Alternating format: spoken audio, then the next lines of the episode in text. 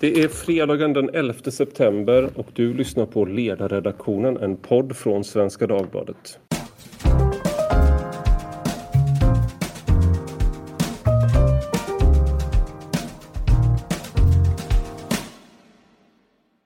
Jag heter Ivar Arpi och idag ska vi prata om gangstervåld. För i en ny bok av Fredrik Kärrholm så tecknar han en bild av gangstervåld i Sverige. Och det som särskiljer den här boken och den här beskrivningen från mycket av, av annat som vi har läst om i tidningen det senaste är just fokus på de kulturella aspekterna av vad som utmärker det här. Och med oss för att prata om det här idag har vi såklart Fredrik Kärrholm. Välkommen! Tack så jättemycket! Du är polis och eh, med en master i kriminologi från Cambridge och eh, du jobbar som polisinspektör i det särskilt utsatta området Rinkeby i Stockholm. Det stämmer alldeles utmärkt. Och vi har också med oss Manne Grell från eh, Malmö universitet och du är docent i kriminologi. Välkommen! Tackar! Jag tänkte bara vi kunde börja med, med dig Fredrik då.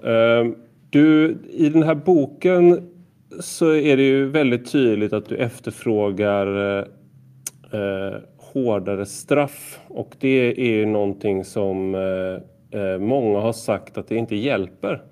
Eh, det menar du är fel. Eh, och kan, kan, du bara gå in på vad är liksom, för det här har ju varit en sanning i svensk debatt under lång tid att hårdare straff har ingen effekt på kriminaliteten. Du menar att det inte stämmer. Eh, på vilket sätt stämmer inte det? Man har eh, ofta sagt att hårdare straff inte fungerar, men det man har menat då är att eh, hårdare straff eh, och fängelsestraff då inte gör människor till, eh, till mer laglydiga samhällsmedborgare. Och det är helt eh, korrekt. Där kan fängelse tvärtom ha en negativ effekt så att det gör människor till förhärdade kriminella och att de blir mer brottsbenägna. Ehm, fängelse har också en en eh, marginellt avskräckande effekt och framförallt när vi talar om straffskärpningar så, så går det inte att se i forskningen någon, någon större eh, allmänpreventiv eh, effekt. Men fängelse fungerar däremot alldeles utmärkt på det sättet att den som sitter inlåst kan inte begå brott. Um, och då får man förhålla sig till att när människor kommer ut från fängelsestraff så föreligger Eh, kan det föreligga en ökad risk för brottslighet. Och därför är det viktigt med tillräckligt långa fängelsestraff så att det blir en positiv nettoeffekt. Det är särskilt viktigt när det handlar om unga människor för att eh, stigande ålder leder till minskad brottsbenägenhet. Eh, och därför så behöver vi i synnerhet då ta bort den här ungdomsrabatten och se till att grovt kriminella, farliga unga individer låses in under lång tid Eh, för att sedan släppas ut när de är äldre. På det sättet förhindrar vi de här individerna att begå brott och när de kommer ut ur fängelset så är de mindre brottsbenägna. Det här är annars en precis motargumentet mot hårdare straff och särskilt för unga. Ehm, jag tänker på hur många, liksom, just, just det här att hjärnan inte är färdigutvecklad på tonåringar och då att man kan se att eh, vad är det man brukar säga, prefrontala cortex eller frontalloben är färdigutvecklad ungefär när man är 25.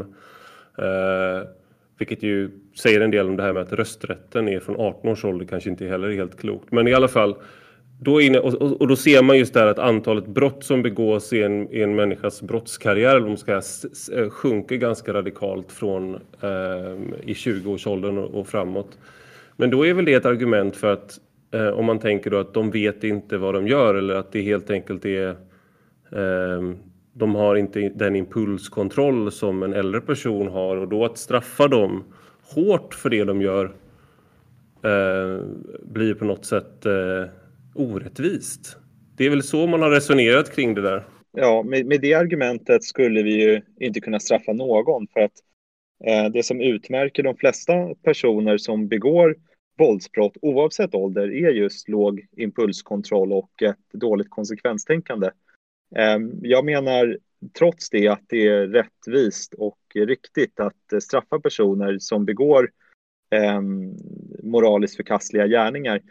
Men vi måste också komma ihåg att det handlar om att ge brottsoffer upprättelse och även att vi behöver skydda samhället för att även personer som är yngre, 17, 18, 19, 20 år, kan vara mycket farliga, våldsamma individer. Och, och, och, kring det här faktumet så finns det, upplever jag från många håll, en, en stor naivitet. Eh, ibland så talar vissa om, om eh, barn, eh, men, men det handlar om, om närmast fullvuxna eh, unga män. Jag tänker på, då är det ju någonting i, för det är också slående när man hör dig, när jag har hört dig prata några gånger om boken och, och så har jag läst boken och, och, och någonting som är slående är just att du, för då, då tänker man ju egentligen någonting som, som har varit väldigt svenskt är att du ser på, du ska vårda den kriminella. Så att säga att, att, så att om du är ung då, så att du inte har, man kan tänka sig att du har en nedsatt förmåga att, att ta ansvar för dina handlingar då är det orättvist att straffa den personen lika hårt. Men med ditt sätt att resonera då så blir det ju snarare så att kanske just på grund av den här unga åldern och de här grova brotten och att man har då en nedsatt eh, förmåga att eh, tänka konsekvenstänkt då kanske det på ett sätt är ännu viktigare att du inkapaciterar en sån farlig individ för samhällets skull. Så du, du vänder lite på är det en korrekt återgivning tycker du? Jag skulle säga att i grunden så eh, står jag för en klassisk eh, straffrättsskola och den bygger på vissa rättsprinciper, bland annat en princip om lika behandling och en proportionalitetsprincip. Och med den utgångspunkten så menar jag ska man inte ta hänsyn till olika individuella eh, förutsättningar. För de förutsättningarna som, de är inte bara kopplade till, till, eh, till ålder, utan jag tycker man ska titta på gärningen och straffa människor lika för, för de gärningar som personer har begått. Och där tror jag om vi utgår från det allmänna rättsmedvetandet och har rättvisa straff, då tror jag att vi skulle se eh, straffskärpningar i Sverige och det skulle som en positiv bieffekt leda till att vi då inkapaciterar, det vill säga vi låser in farliga personer. Men jag tycker från en etisk hållning så är det svårt att motivera långa straff eh, med, med något form av praktiskt ändamål. Eh, utan här tycker jag att det finns eh, en, en tanke om vedergällning och upprättelse för brottsoffret som främst ska motivera straff. Vi ska släppa in Manne också. Jag vill bara att vi också, eh, någonting som du, som du skriver mycket om och som jag tycker har varit eh, man, nästan lite töntigt att ta upp i den här debatten det är eh, gangsterkulturen i de här områdena eh, som du ser som en huvudsaklig förklaring till, till att man väljer att, att bli kriminell. Eh, och du, du skriver att den kännetecknas av polisförakt, drogliberalism och våldsromantik och tystnadskultur. Eh, och att det här framträder också i, i musiken, i gangsterrappers låttexter och du har eh, livsstilskriminella som samtidigt är, är rappare och, och, gör låtar om det de, sen, de brotten som de begår eller har begått. Kan du, kan du förklara på, på var, liksom, hur har den här gangsterkulturen vuxit fram och, och eh, liksom, vad kan man göra mot den? Ja, vi kan först och främst konstatera att det finns en utbredd eh, gangsterkultur och jag tycker du, eh, får, du, du, du, beskriver konturen av den relativt väl. Eh, varför den har vuxit fram kanske är svårare att svara på, men vi kan åtminstone konstatera att den här gangsterkulturen är, där den här gangsterkulturen är som starkast, det är i utanförskapsområden eller så kallade utsatta områden. Um, och den här typen av gangsterkultur är inte lika framträdande i våra nordiska grannländer. Och det gör ju att en, en, en förklaring till att vi har den i Sverige är just utanförskapsområdena som i sin tur existerar på grund av att vi har haft en eh, invandring eh, som har varit betydligt större än våra grannländer. Sen, sen vill jag vara noga med att betona att de här gangstrapparna, det är inte de som är skyldiga till att gangsterkulturen har vuxit fram, utan jag skulle säga att gangstrapparna och dess popularitet är en konsekvens av den här gangsterkulturen. Men sen sker naturligtvis en växelverkan där gangsterrappare, eh, men även grovt kriminella i, i ungdomars närmiljö blir förebilder och bidrar till att forma då negativa värderingar. Och emellanåt också, eller i många fall, så sammanfaller så är det, så är det just de här gangsterrapparna som också i verkliga livet är grovt eh, kriminella. Jag tänkte, man, eh, eh när vi pratade lite eh, inför podden så sa du att du tyckte att eh, Eh, Fredrik, eh, en sak som var att, du, du, att Fredrik kanske överskattade effekten av hårdare straff. Och nu har vi resonerat, nu har vi hört Fredrik resonera lite om, om hur han tänker kring det. Vad, vad, vad, vad, tänker du när du hör om de här resonemangen eller läser de här resonemangen om hårdare straff och vad man kan åstadkomma med dem? Ja, man kan börja med att säga att Fredrik har en poäng i att man ofta har nedtonat den effekt som fås av inkapacitering. Att man begår färre brott när man sitter i fängelse än när man är ute. Eh, och det tror jag är en viktig poäng som man kan lyfta upp. Men med det sagt så skulle jag säga att den bästa forskningen pekar mot att även om vi tar hänsyn till den komponenten så är effekten av strängare straff nära noll. Eh, och det beror på att den avskräckande effekten som Fredrik sa är liten, kanske inte alls, men liten skulle jag säga. Eh, och eh, den fylls på av att vi då har en inkapaciteringseffekt som gör att man begår betydligt färre, färre brott medan man sitter inne. Men som motverkas av att man blir mer kriminell av att sitta i fängelse. Eh, och jag tror att, ja, som det verkar på den forskningen, som dock främst amerikansk, så är effekten nära noll totalt sett. Men poängen som gör att Fredrik faktiskt har något att komma med här, det är att i Sverige har vi bättre kriminalvård. Så den negativa effekten av att sitta i fängelse är förmodligen mindre här. Vi har dessutom mycket lägre straff som Fredrik påpekar. Så marginaleffekten av att höja straffen i Sverige blir förmodligen högre på inkapacitering. Så därför tror jag att det, det är rimligt att tänka sig att hårdare straff har en effekt, eh, brottsminskande effekt i Sverige. Men jag tror inte den är så stor att den kommer rädda landet från gangstrarna, så att säga. Eh, och där tror jag upplever att det blir en lite för stor tonvikt på de hårdare straffen som ett instrument för att uppnå de här skillnaderna. Jag, jag, håller, jag håller delvis med eh, Manne. Jag, jag tror att vi, vi, vi båda har en eh, favoritstudie av David eh, Rodman. Och han, det, är en, det är en metastudie, alltså en, en analys av flera olika studier som, som tittar just på effekten av inkapacitering. Och där konstaterar han att eh, effekten då av, av ytterligare straffskärpningar vad det gäller brott i, U i USA idag i nära noll. Men, men där är det just viktigt att lägga märke till orden ytterligare straffskärpningar och idag. För att USA har idag väldigt höga straff. Vi kan ta grovt vapenbrott till exempel. I, I Sverige så resulterar det i praktiken i 17 månaders fängelse. I USA innebär motsvarande brott mellan, mellan 5 och 15 års fängelse. Eh, och de som kommer upp i 15 år, det är ofta personer som är dömda för brott tidigare. Så att det skulle innebära att de flesta som döms till 17 månader i Sverige skulle i USA fått närmare 15 års fängelse. Så att det forskningen i USA visar är att om du plussar på tid på den här 15 åren så får det ingen större effekt. Men det, det, finns inte mycket studier som, där man har forskat på ett så milt straffsystem som vi har i Sverige. Och därför blir det naturligtvis lite spekulativt från min sida, men eh, jag hävdar, eh, min slutsats utifrån befintlig forskning är att om vi skulle gå från att eh, låsa in personer i 17 månader för grovt vapenbrott till eh, fem eller sju års fängelse så skulle vi, skulle vi få en eh, effekt. Och mm, det här eh, låter jag också säga bekräftas av, av min politiska, eller förlåt, polisiära eh, erfarenhet. Där avslöjar du dig. ja, precis. En freudiansk felsägning, må hända. Eh, jo, hittills i år, som ett konkret exempel då, så har polisen häktat 200 eh, unga män för att de har påträffats på stan med vapen och ofta Eh, tunga militära automatvapen. Ehm, och det här handlar ofta om 17, 18, 19, 20-åringar. Samtidigt vet vi att medianåldern för de som misstänks för, för den här typen av skjutningar där man faktiskt använder vapnen är 23 år. Ehm, och att, att det är den relativt låga medianåldern för skjutningar det, det, det stämmer med den här äh, brottsålderskurvan, det vill säga att personer är mest, brott, mest brottsbenägna när de är unga.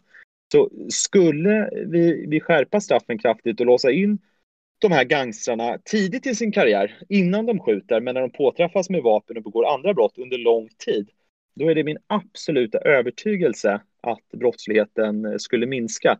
Det enda jag tänker här, det är väl att om man då tänker på det som Mannesson, nu är det här du sa att du var lite spekulativt av det. Jag undrar om det ens går att, att, vara, att, att, att göra på något annat sätt i, eh, eftersom vi har då studier som många gånger kommer från andra länder och vi har ingen vi har inte höjt straffen i, till de här straffsatserna i Norrland för att se hur det funkar där och sen så gör vi det i resten av landet. Utan, så vi har inget, exakt jämförbart. Det skulle inte dessutom vara exakt jämförbart. Men jag tänker mig om man låser in unga människor, finns det inte då risken att man, eh, att man låser in dem i en kriminell eh, identitet också? Det är väl det också som har varit ett argument mot just hårda straff för unga människor. Att sitter du i fängelse i sju år när du är 17 år att du då din identitet blir eh, eh, att du är kriminell och att du fastnar i det. Ja, och det är ju den här stämplingsteorin som, som är väl belagd. Att eh, straffar man unga personer så stärks deras kriminella identitet. Och jag förespråkar inte att vi ska eh, döma eh, pojkar till fängelse som, som, som begår snatteri eller klottrar eller röker en joint, utan eh, det jag talar i här om, om personer som begår grova brott, Eh, det vill säga brutala rån, grovt vapenbrott och den typen av personer, de har i Sverige idag, eh, de har redan en väldigt stark kriminell identitet. Ehm, så jag, jag ser inte det problemet i, i praktiken. Jag tänkte Manne, en sak som, som du nämnde eh, in, innan podden, det var just det här att du tyckte att eh, eh, en del av de här förslagen slog lite väl brett. Att det kan vara mm, att man, om vi vill komma åt de här ganska få gängkriminella, grovt kriminella, så är en del av de här förslagen riskerar att slå mot andra grupper. Eh, vad tänker du på då? Ja, men precis som Fredrik sa nu. Jag, jag köper ju mycket av det här. Jag tycker också att vi har ett behov av att låsa in eh, en del av de här unga männen som springer runt och skjuter folk mer än vad vi gör idag. Jag håller med. Men är det det vi vill uppnå så kanske det räcker med att slopa ungdomsrabatten för en del av de brott som är typiska för den gruppen istället för att slopa hela ungdomsrabatten som jag tolkar det som att Fredrik säger. För slopar vi hela ungdomsrabatten så kommer det kommer inte alltid handla om fängelse, men vi kommer ha mängder med ungdomar som begår mindre grova brott, som får ett hårdare straff än idag och som kanske därmed får ett sämre utfall senare, kanske blir mer kriminella. Varför i sådana fall inte ha en riktad straffskärpning där vi försöker träffa den gruppen som vi vill nå åt och ha straffskärpningar för dem eller slopade ungdomsrabatter för dem. Det är min inställning till hur man borde lösa den här frågan. Att vi ska inte liksom skjuta med en jättekanon och träffa alla ungdomar i Sverige om vi är ute efter några tusen väldigt kriminella som är svåra att rehabilitera. Hur skulle en sådan straffskärpning se ut då i kontrast till en slopad eh, eh ungdomsrabatt för, all, för alla? Jag, jag är inte jurist, men två exempel som ligger uppe från politiska partier just nu som är i den riktningen, som försöker göra något sånt i alla fall. Det är dels Moderaternas eh, gäng, eh, gäng eh, straffskärpning. Då försöker man träffa just den gruppen och att de ska sitta in längre, men inte alla. Ett annat exempel är sossarnas förslag att ha vad är det, minskad ungdomsrabatt för de som återfaller i ett grovt brott och som begår ett brott med minst två år i fängelse i straffvärde eller något sånt. Där man nämner till exempel personrån, våldtäkt, eh, några till sådana brott som typiska. Eh, och då träffar man också en mycket smalare grupp, den lilla gruppen som man kanske vill nå, nå, nå fram. Och då har vi dessutom lyckats nämna ett från vardera sida av politiken här, som möjligen skulle kunna gå. Ja, det är otroligt. Nej, vad, tänker, vad tänker du Fredrik? Nej, men, eh, Manne har, han resonerar helt eh, rationellt och eh, Eh, Eh, skillnad, anledningen till att jag landar i ett litet annat förslag till lösning, det handlar inte om att jag tror att mitt förslag är mer praktiskt eller kostnadseffektivt, utan ehm, Manne resonerar lite mer som en ingenjör för att lösa ett eh, problem och en alldeles eh, ypperligt skicklig ingenjör. Medan jag har kanske en, en, en annan etisk hållning. Och där har jag svårt att se, och jag är lite kritisk till Moderaternas förslag också, för att om det är så att det är en individ som begår en moraliskt förkastlig gärning och så är det en annan individ som begår precis samma moraliska förkastliga gärning så tycker jag att det enda rättvisa är att de döms till samma straff. Om individ B har ett annat eh, umgänge och umgås i andra eh, kretsar så tycker inte jag att det på något sätt gör hans handling mer eh, moraliskt eh, förkastlig. Ehm, och här lutar jag mig i min bok väldigt mycket mot eh, filosofen Kant. Och, och, och, det här är också någonting som har saknats i, i Sverige och, och, den svenska debatten kring kriminalpolitik. Att den är väldigt, den är väldigt eh, fokuserad på någon form av ingenjörskonst medan jag tycker att det finns ett etiskt perspektiv som är väldigt viktigt och, och det kopplar ju också ihop just med ett brottsofferperspektiv. Att brottsoffer förtjänar att få, få upprättelse. Jag tänker, vi ska komma in på gangsterkulturen också. Jag, jag, för, jag, någonting som, jag, som, som slår mig när jag ser eh, liksom, om gangsterrapvideos idag och man ser den här, liksom, eh, hur de resonerar i de här gängen och liknande. Det är att det känns otroligt hemtamt även för mig. Och jag är uppvuxen då i ett område som är som många svenska områden, men vi älskade hiphop eh, och afroamerikansk kultur och då lyssnade vi på gangsterrap och då fick man mycket av de här värderingarna. Man hade många av de här värderingarna. Sen växte man ur dem. Det, många av, de flesta av oss gjorde det, inte alla. Vissa fastnade liksom... Eh, eh och det, något jag tänker på eh, är att det här är någonting som man känner igen även, jag har bott i Danmark och man känner folk från andra länder, att det här är ju någonting som finns på något sätt i hela vår populärkultur i väst på många sätt, även om det tar sig mer extrema uttryck i de här utsatta områdena. Och det, det är en sak som jag undrar lite eh, över den här förklaringen då med gangsterkulturen kanske, det är väl att vi i Sverige, som du, som du påpekar i boken, att vi skiljer ut oss från eh, andra, andra jämförbara länder. Eh, om det är att det är tio gånger så stor risk att bli skjuten i Sverige som ung man än i Tyskland tror jag. Eh, och vad det gäller eh, sprängningar så är det bara Nordirland ungefär som har mer, haft mer erfarenhet av det vid det här laget. Eh, men, va, men om man kollar på gangsterkulturen så verkar den vara ganska spridd. Är det, är, det, är, det det som, är det någonting annat som gör att vi skiljer ut oss än just gangsterkultur jämfört med, med andra länder? jag, jag, jag, tror inte... Jo, naturligtvis är det så att eh, gangsterrap är populärt i breda kretsar och i många länder. Ehm, men, men det handlar om också i vilken eh, kontext den här gangsterrappen konsumeras. Alltså bara för att du lyssnar på gangsterrap så är du inte en del av en gangsterkultur. När jag var ung så lyssnade jag på DMX eh, som, som handlar om att man ska skjuta personer. Det gör jag fortfarande. Eh, jag vet inte, det känns skämmigt att erkänna. Kanske får klippa det här sen. Ja, men det, det, det, det, det är en bra musik om man ska liksom eh, köra tung bänkpress för att den är väldigt aggressiv och den har hatiska budskap om, om, eh, om våld och den starkes rätt och så vidare.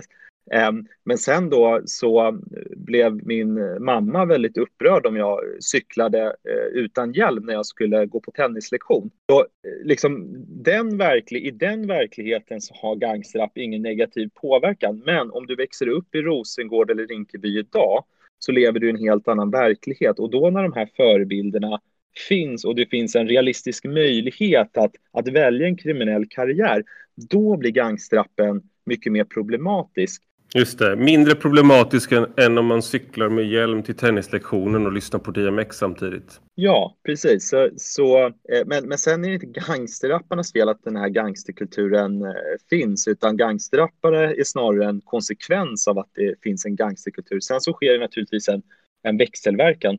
Jag tror att man, det är väldigt, och det här är, det är väldigt svårt att motverka kultur. Jag tror också att det är en anledning till att politiker ogärna talar om just kulturproblemet för att de har inte riktigt några bra åtgärder. Men jag tror att hela samhället, alla samhällsaktörer måste bidra till att motverka den här gangsterkulturen för att Sverige är möjligheternas eh, land. Varje eh, unge i ett utsatt område idag har, går i en eh, lärartät skola. Eh, man har tillgång till en avgiftsfri, eh, avgiftsfria universitet och Även om det just nu är hög arbetslöshet så finns det väldigt mycket möjligheter. Och det gäller att ingjuta hopp, goda värderingar och att det finns goda förebilder. Um, och det är också en anledning till att vi behöver ha hårda straff för att de här grovt kriminella som, som sitter ett år och några månader och sen kommer de ut igen med hög social status. De ska väck under lång tid tills de får grå hårstrån. De ska inte finnas där som förebilder. Och gangsterrappare ska heller inte vara tillgängliga och lyssna på på Spotify eller bjudas in till musikgalor eller sitta i tv. Och nu förespråkar jag inte att det här ska förbjudas, utan jag tycker att mediebolag ska ta ansvar, jag tycker föräldrar ska ta ansvar och jag tycker framför allt att skolan behöver bli mer fostrande. Och, och, där tror jag inte att det handlar om mer pengar till skolan, för att vi, vi pumpar in pengar i, i svensk skolsystem, utan jag tror snarare handlar om hur skolan fungerar. Jag tänker, Manne, någonting som, som, vi, som Fredrik, en studie som Fredrik refererar till i boken och som du tog upp när vi pratade om det här också, det är bland annat eh, den här studien av Amir Sariaslan eh, som är kriminolog med en eh, mer fokus på ärftlighet och sådana saker. Han visar ju, vad, vad var det han visade? Det var någonting du skrev till mig. Ja, men jag kan säga, jag har ju tänkt ungefär det som Fredrik pratar om nu fast kanske inte riktigt likadant, men ändå för länge sedan. Eh, också upplevt när jag har varit utsatt område och så vidare att det finns en, jag skulle säga en, en tydligare, starkare uttryck för någon form av vad vi kan kalla gangsterkultur eller sådär. Eh, men sen kom ju Amir Sarjaslan med en studie 2013 som visade att det spelar ingen roll om du växer upp i ett utsatt område eller i ett finare område, för du, du kommer begå lika mycket brott som din brorsa ändå. Eh, och det där är ju ett, en ganska stark indikation på att i den mån det finns sådana gangsterkulturer så verkar de inte ha så himla stor påverkan på hur mycket brott man begår. Och Eh, jag menar, jag, jag tror fortfarande att den där effekten finns, men jag kan inte visa den. Och Amirs forskning visar ganska tydligt att den åtminstone är väldigt liten om den finns. Och det är en utmaning för hela den här tesen att gangsterkulturen driver på det. Eh, om vi inte kan visa empiriskt att man begår mer brott om man växer upp i ett område med en gangsterkultur, ja vad har du då för förklaringsvärde? Och här, här, här tycker jag vad heter Amirs, Amir, Amirs forskning är väldigt intressant, men givet då att vi, vi har mycket större problem med brottslighet i Sverige än i andra länder så har jag väldigt svårt att tro att vi har människor i Sverige som eh, har mer kriminella gener, att vi har fler människor i Sverige med kriminella gener. Jag har väldigt svårt att landa i den slutsatsen utan eh, jag, jag, jag måste tro att anledningen till att vi har mer brottslighet i Sverige än i Finland, det handlar inte om gener utan, utan det handlar om eh, någon form av eh, social förklaring. Man kan väl också säga att den här typen av studier som Amir gör är väldigt bra på att, förklara, alltså för att, att hitta riskmarkörer för vilka individer som, som, eh, som, som kommer begå brott, alltså riskerna för, för det. Eh, men inte lika bra på att jämföra populationer, eh, till exempel Danmark och Sverige eh, och liknande. Och, det, och jag tror också att um, en slutsats från, från Amirs studie är att i hög grad så är det inte så att en viss genomsättning gör att du är förutbestämd att begå brott, utan att en viss, vissa gener gör att du är, har lättare att, att påverkas av olika omständigheter för att begå brott. Och omständigheter i det här fallet skulle kunna vara till exempel vilka signaler samhället sänder med straffpåföljder, kultur, alltså värderingar och liknande så det där är väldigt svårt att fånga upp i en sån studie. Du kan fortfarande vara samma individ i ett sammanhang som har den största risk att begå brott, har det även i ett annat sammanhang men man gör inte det då för då befinner man sig i en, eh, i en kontext eller en kultur där man helt enkelt inte utvecklar de beteendena. Jag har en, en, en ett medlingsförsök här eh, mellan de ja. olika linjerna. Eh, jag har tagit det här med Amir förut och han håller inte riktigt med. Men man kan tänka sig lite mer extrema exempel. Eh, ta att vi har någon som växer upp i min hemstad Härnösand i en familj. Och så är vi två syskon som har dåliga förutsättningar. Vi kommer förmodligen bli kriminella båda två. Men jag är mycket äldre så jag växer upp i Härnösand och sen flyttar vi till Rosengård där min lillebror växer upp. Vi blir båda två jävligt kriminella. Skillnaden är att min lillebror som växer upp i Rosengård, han kommer springa runt och skjuta folk medan jag kommer slå folk på käften. Det där kan inte jag bevisa empiriskt. Men jag tycker det är ett logiskt resonemang som skulle kunna hålla och som faktiskt också möjligen skulle kunna vara en delförklaring för det hela. Men då handlar det om en mycket snävare typ av gangsterkultur, mer än, än, än eh, den förändrade beredskap att ta till skjutvapen och grövre våld som har skett inom kriminella gäng som redan tog till mycket våld innan. Eller något sånt. Man kan tänka sig en sån typ av normförskjutning snarare än en allmän gangsterkultur som träffar ganska stora ungdomsgrupper i utsatta områden. Just det, jag, jag, sen känner, jag känner, eller jag växte upp med ett, eh, ett par enäggstvillingar som kommer från en kriminell släkt. Eh, jättetrevliga människor på många sätt. De var inte kriminella då men en av dem blev kriminell sen och den andra blev eh, skötsam och de är ju liksom, man kan inte se skillnad på dem. De har exakt samma uppväxtförhållanden och allting men de liksom, det blev olika. Det är någonting som man inte alltid fångar in med de här sakerna. Det finns någon slags individuellt val eller vad man vill kalla det. Eller slump om man är mer, eh, eh vad heter det, eh, dyster i sin, eh, i sin eh, liksom, utsikt på världen. Eh, en sak som jag tänker på med, med det här är också, Fredrik, du skriver i, åtminstone i debattartikeln som du skrev, att vi Kriminalvård och resocialisering av brottsbenägna individer fungerar dåligt. De flesta kriminella är helt enkelt oförbätterliga. Då tänkte jag när jag läste det att det här måste vara en av de mest osvenska saker eh, som jag har läst på länge. Eh, för att det är i, i väldigt mycket av hur vi hanterar den här brotts, brottsligheten, hur vi pratar om det, så finns det alltid det här att du har ett hopp om att eh, om, vi, om, vi, om vi bara liksom ger dem de här chanserna, om vi bara hjälper dem på det här sättet så kommer det till slut att bli bättre. Och där kan man ju säga att eh, det beror naturligtvis lite på vilken typ av brottsling vi, vi pratar om. Så alla är inte oförbätterliga utan eh, kriminalvård och behandling, det, det ger vissa effekter för en del, men alldeles för få. Och det här innebär att det är ett ohållbart system när vi har ett samhälle med en väldigt hög våldsnivå och väldigt många eh, farliga individer. Men, men det ska också sägas att för, för en del, en del en, vissa kategorier förbrytare så, så, så, så är det nästan hundraprocentigt oförbätterliga människor. Om vi tar till exempel eh, sexualförbrytare som är pedofiler så visar egentligen ingen studie att någon annan behandling fungerar utan, förutom kemisk eh, kastrering. Och eh, när vi tittar på de riktigt grova eh, våldsbrottslingarna som är mest eh, brutala så eh, ser vi nästan inte heller någon som helst eh, effekt av behandling.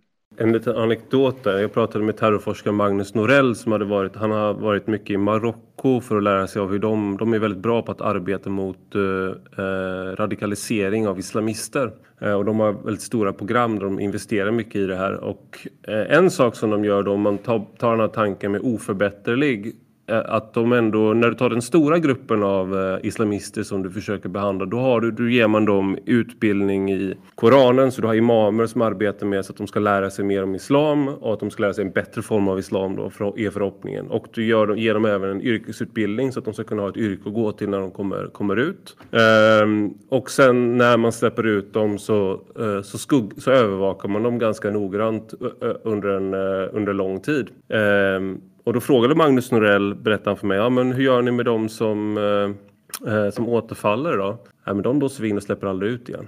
Och här finns det ju en, en i, i, Norge har man ju eh, eh där har man ju 18 år i det längsta fängelsestraffet och 24 år i Sverige. Eh, men där har du ju en sån bestämmelse där du kan förvara eh, väldigt farliga individer som man, inte, som man helt enkelt tror är oförbätterliga. Så att du släpper helt enkelt inte ut dem igen. Så att där, då har du ju så att säga, då har du ett straff som du kan sätta bakom ett ord som oförbätterlig så att säga. Anders Bering Breivik till exempel, han kommer aldrig komma ut igen i Norge. Nej, jag, jag tycker, jag tycker att eh, det är såklart väldigt eh, att praktiskt ha ett sådant system, men men det leder också tankarna lätt till eh, gökboet för att den där typen av förvaring bygger på någon form av prognostänkande som eh, kan vara felaktigt. Och jag tycker att om man straffar, utdelar rättvisa straff då hade Anders Behring Breivik fått sitta på livstidsfängelse ändå. Men inte utifrån någon form av osäker prognos för hans framtida beteende utan för det han faktiskt har gjort. Så jag tror att man uppnår den effekten i praktiken genom att ha rättvisa eh, straff. Men, men det senare tycker jag är mycket mer etiskt. För jag, tycker också vi ska, jag tycker också vi ska komma ihåg att personer som är kriminella, de är inga demoner utan de är också människor. Eh, och jag tycker att de ska behandlas eh, på ett rättvist och, och etiskt sätt. Vad tänker du mannen? Ja, jag har många tankar. Där vi började den här diskussionen nu alldeles nyss eh, med vården i fängelset, eller man säger, den vårdande aspekten som ju Fredrik är ganska skeptisk till och Fredrik också nämner att vi kanske skulle kunna ha billigare fängelser. För mig är det, jag tänker helt tvärtom. För mig är liksom, jag är lite försiktigt positiv till att höja straff, i alla fall för vissa grupper. Men det bygger ganska mycket också på att vi har en bra kriminalvård som kan göra något vettigt av det. Och precis Precis som den studien vi pratade om tidigare med Rudmans studie, han visar också just det att fängelse är dåligt för de flesta. Men den enda studien han hittar som visar något annat, det är en norsk studie som kom fram till att fängelse kan, kanske faktiskt är bra och gör att folk blir mindre kriminella. Eh, och det där tror jag man ska ha i åtanke och vara försiktig med. Jag tror att vi ska vara glada att vi nog har en faktiskt ganska bra kriminalvård. Sen misslyckas ändå. Vad, vad, vad var det den studien, förlåt, men vad var det den studien i Norge visade? Varför var det bra eh, med, med fängelse där då? Nej, det, det är ett, han kollar på alla studier som han tycker är bra nog, som kollar på hur blir man mer kriminell av att sitta i fängelse? Begår man mer brott när man kommer ut eller inte? Han kom fram till att ja, de flesta studierna visar att man blir mer kriminell av att sitta i fängelse, men inte den norska. Eh, och han resonerar kring att han tror att det har att göra med att man helt enkelt har en helt annan typ av eh, fängelser där, som är mer vårdande, som erbjuder utbildning och så vidare, medan man i USA får ett straff. Det är inlåst. Det är mycket billigare men också mycket sämre. Och den, och den, den, den studien tar jag faktiskt upp i, i, eh, i min bok också, för den är väldigt intressant. Den visar faktiskt att eh, hög, längre fängelsestraff då leder till, till minskad, eh, minskad återfallsrisk. Och det är helt säkert som Anders säger, det, det är en effekt av behandling. Så, så å, återigen, det, all, det, finns, det finns många eh, eller en del som, som förbättras av, av eh, behandling och kriminalvård. Men det finns också många som är eh, oförbätterliga. Men, men jag tror man kommer runt det där problemet genom att vi har proportionerliga straff som utgår från det allmänna rättsmedvetandet. För då kommer de här eh, grövsta kriminella som är oförbätterliga, de kommer sitta inne i praktiken på livstid eller till dess de får ta sig fram i rullator. Um, och, och jag, skriver, jag, jag, skriver också att det finns egentligen inget motsatsförhållande till hårdare straff och eh, behandling. Men min poäng är att vi kan inte bara förlita oss på behandling, för den är inte tillräckligt effektiv. Och det det innebär stora risker när vi har den här typen av våldsnivå vi har nu i Sverige. Ja, och jag, jag håller i viss mån med. Eh, och vi kan återkoppla det här till hur vi startade den här diskussionen för en halvtimme sedan. Eller det var. Eh, med att vi har några individer som vi nog skulle ha nytta av att inkapacitera mer, som får sitta inne längre. Men då kommer vi tillbaka till det här med det som du också tog upp med åldersbrottskurvan. Att man begår färre och färre brott med åldern. Eh, och för brottslingar i allmänhet så handlar det om i slutet på tonåren eller kanske när man är 20 som man pikar och begår som mest brott.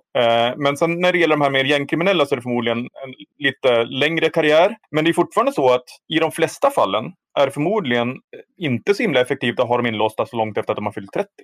Och då kan man fundera på hur mycket hårdare straffen, eh, ska straffen i sådana fall bli? Ja, och, och, där, och där tror jag, när jag talar om eh, livstid och, och, och, rullatorer, då talar vi om eh, rena avrättningar och, och, andra former av mer eh, sadistiska eh, brott. Men om vi tar till exempel den här typen av, fortfarande grova brott, men, men, men inte de grövsta, som till exempel grovt vapenbrott, det vill säga att du eh, rör dig med, med skarpladdade vapen i samhället.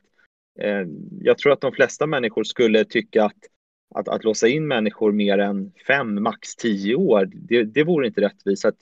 Det gör ju också att, att vi skulle träffa ganska rätt om vi skulle låsa in människor i 20-årsåldern eh, och straffa dem rättvist för grovt vapenbrott till exempel så skulle de också komma ut en bit efter 30. Jag tycker, vill avsluta med att jag tycker att det är en, eh, det är en trevlig eh, känsla att man tar hit en författare som eh, har fått kritik för att han förespråkar mycket hög, hårdare straff.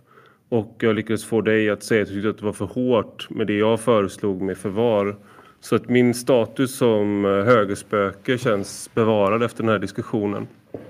Din position är helt ohotad, Ivar. Ja, det känns väldigt skönt och bekvämt för mig. Ehm, men stort tack, tack Fredrik Kärrholm för att du kunde komma och berätta om din bok. Och stort tack Manne Jerell för att du kunde komma och eh, berätta om vad som, eh, vad som var bra och dåligt med boken och, och diskutera det. Tack så jättemycket. Och stort tack till dig som har lyssnat. Ehm, och gå gärna in och och eh, betygsätta oss och lämna en recension på iTunes. Eh, eh, eller mejla oss med synpunkter på ledarsidan snabel svd.se. Tack och hej!